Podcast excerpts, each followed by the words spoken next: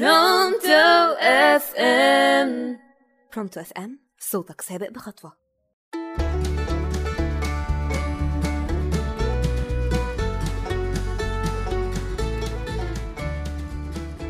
يا مساء الجمال يا مساء الفل على كل مستمعين راديو Pronto FM في كل مكان معاكم سمية طه من أمام المايك وحلقة جديدة من برنامجكم أصل المثل حكاية.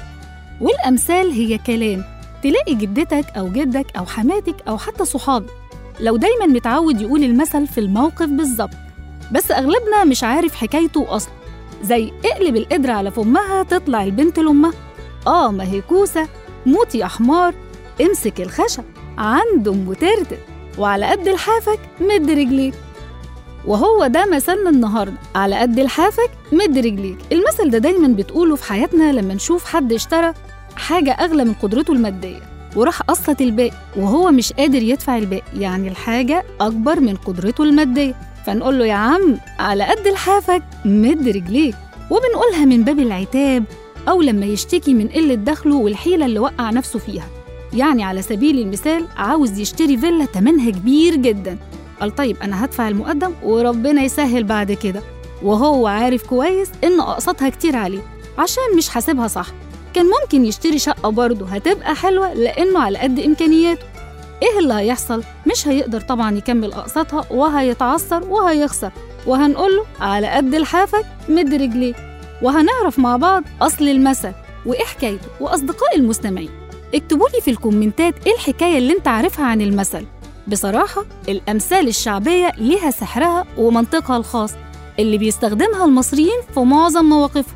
وتعالوا نعرف حكاية على قد لحافك مد رجليك المثل ده بتقوله على الشخصية المبذرة أو اللي بتصرف كتير المسرف وأصل المثل ليه حكايات كتير. وعشان متوهكمش اتفق كتير على إن المثل بطله شاب غني. كان غني غنى فاحش زي ما بيقولوا باباه توفى وساب له ثروة كبيرة جدا. والشاب ده طبعا كان مستهتر. ضيع كل فلوسه في السهر واللعب ومن الآخر بهدل الدنيا. ما كانش بيحسن التصرف بالثروة خالص أو النعمة اللي ربنا اداهاله وطبعا ما عملش حساب ليوم أسود. وعلى رأي المثل خد من التل يختل.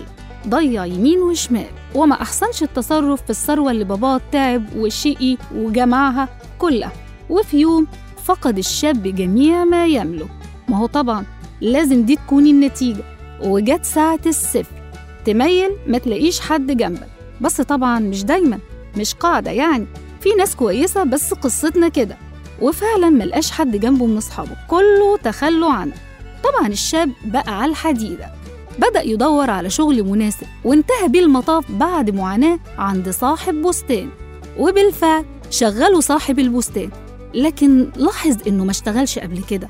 وزي ما بيقولوا إيده شبه الأيدي الناعمة. ابن عز يعني مش أحمد عز. لكن ظروفه ألزمته إنه يشتغل. صاحب البستان من خبرته طبعا سأله أنت ما اشتغلتش قبل كده؟ وإيه اللي أجبرك تشتغل شغل ما عندكش فيه خبرة؟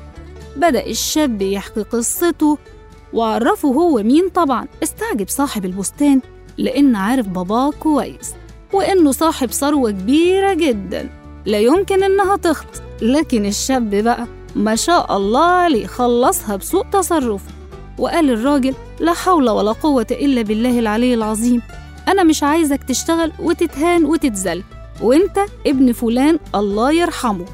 طبعا الراجل عارف أصله وفصله. عقد النية كده وقال إيه بقى؟ جوز بنتك وما تجوزت ابنك. ما هي حلقة أمثال بقى. وبالفعل جوزوا بنته واداله بيت صغير قريب منه. واداله جمل وقال له يا ابني بيع حطب وكل من عمل إيدك. وأنصحك إنك تمد رجليك على قد لحافك وفعلا الشاب أخذ بالنصيحة صاحب البستان وبصداقة والده ومد رجله على قد الحاف وأصبح المثل تتوارثه الأجيال. ودي حكاية على قد لحافك مد رجليك. يا رب تكون عجبتكم وفهمنا معنى المثل إيه وحكايته. وإننا لازم نعمل حساب لزمن حتى لو بمبلغ بسيط وتعرف قيمة النعمة اللي معاك. وبكده تكون انتهت حلقتنا. واستنوني في حلقة جديدة من أصل المثل حكاية مع سمية طه.